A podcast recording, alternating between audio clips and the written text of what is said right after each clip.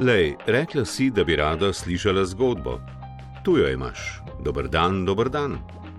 Kar bodi užaljena, če rečem, da lahko javnost naredi veliko škode. Kot rekaš oddaleč, tega ne čutiš. Oddaleč nihče ne čuti odgovornosti za svoje besede. Mislim, ali vsaj zdaj razumeš, ko poznaš dobršen del zgodbe, kako nevarno je to. Govoriti o nečem, o čemer nimaš pojma. Zapomni si, vse je zgodba. Mnogi kritiki in bravci so si enotni v oceni, da je roman Cigan, ampak najlepši mojsterski literarni dosežek. Temu pritrjuje tudi glasbenik in strastni bralec Jrnej Dimbek.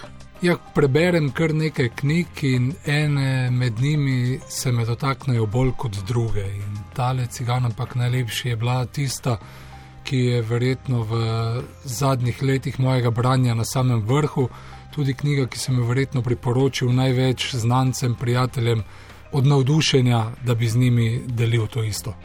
Hrvaški Stephen King imenujejo Kristjana Novaka.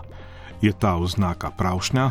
Jaz sem bil kar presenečen, ko sem slišal za to primerjavo, ker ga sam sploh ne dajemam na ta način. E, meni se zdi, da je njegovo pisanje zelo daleč od fantazije, od znanstvene fantastike, ampak da je predvsem zelo pronicljiv, odličen sociolog, družboslovec.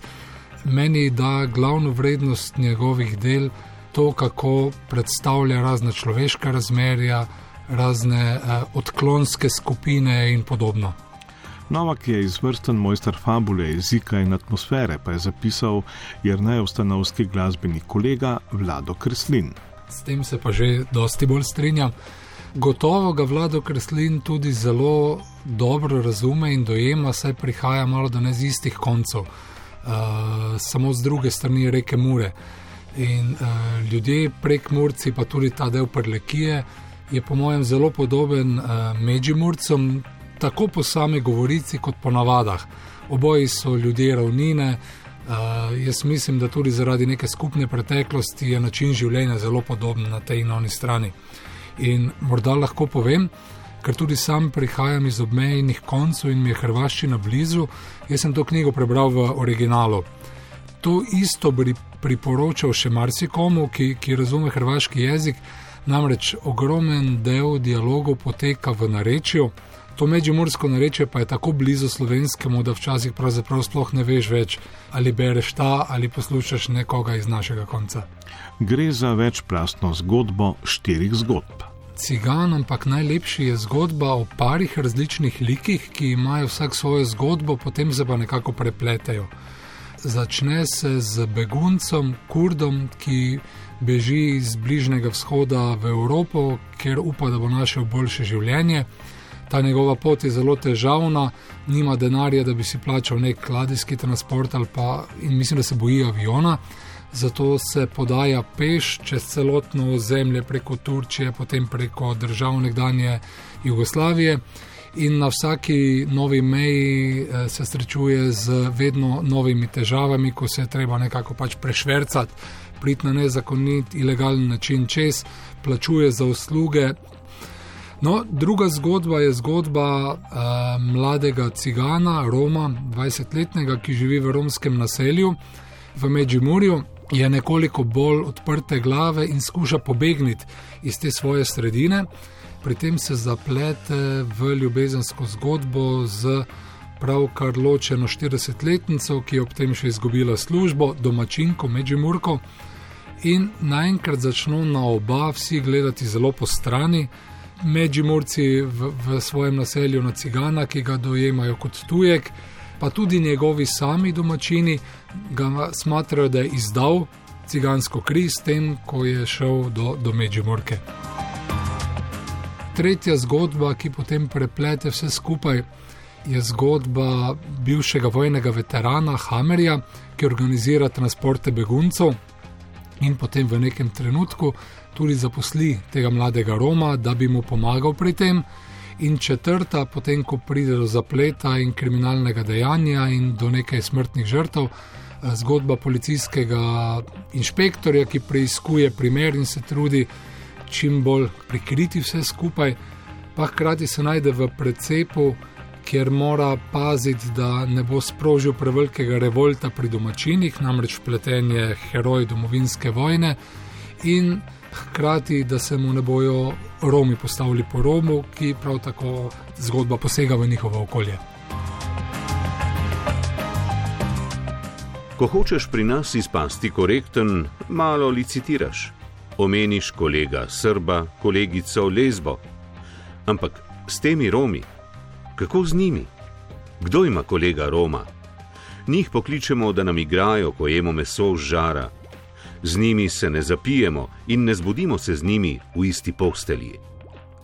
Zauzeti se za nje na pravi način zahteva angažma in osebno žrtvovanje. To pa hranimo za kaj drugega, kul, cool, daleč. Za Haiti in za LGBT-jevce v Rusiji, naglušne otroke, hepatitike, potepuške pse v Ukrajini.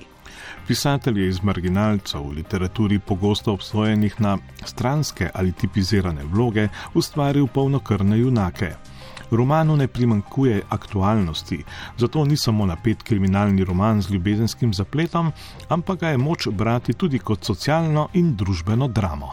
Točno to in to mislim, da je glavna vrednost te zgodbe, poleg seveda fantastičnega uh, literarnega stila. Meni, ko sem razmišljal od filmov, ki jih je snemal še Emer Kustorica, če se spomnimo doma za obešanje ali pa Črna mačka, Beli mač, mačkon, od takrat dalje nisem srečal nobenega dela, ki bi mi tako dobro predstavljalo življenje v romskem naselju težave, ki si jih te ljudje v bistvu sami povzročajo s svojim načinom življenja in ki jim jih povzroča okolica, ki jih skuša na eni strani integrirati, na drugi strani pa se jih otepa in postavlja zidove, da ne bi prišli bliže. Podob, na podoben način je predstavljena zgodba tega kurda, begunca. Človek pravzaprav nima vida v to, s kakšnimi težavami se srečuje nekdo, ki je mlad, ima družino jih pusti za to, da bi našel boljše življenje in da bi potem s časom nekako še njih potegnil za sabo. Sploh, ko recimo iz tujine posluša, da, da so njegovo rojstno vas bombardirali, dobiva zgolj fragmente, ki mu kažejo na to, da je njegova žena in otroci, da so verjetno še živi, ampak tega ni zagotovo prepričan. On pa se bori nekje za obstanek popolnoma na drugem koncu sveta, nemočen, skoraj brez denarja in podobno kakšnemu bralcu bi priporočili knjigo v branje?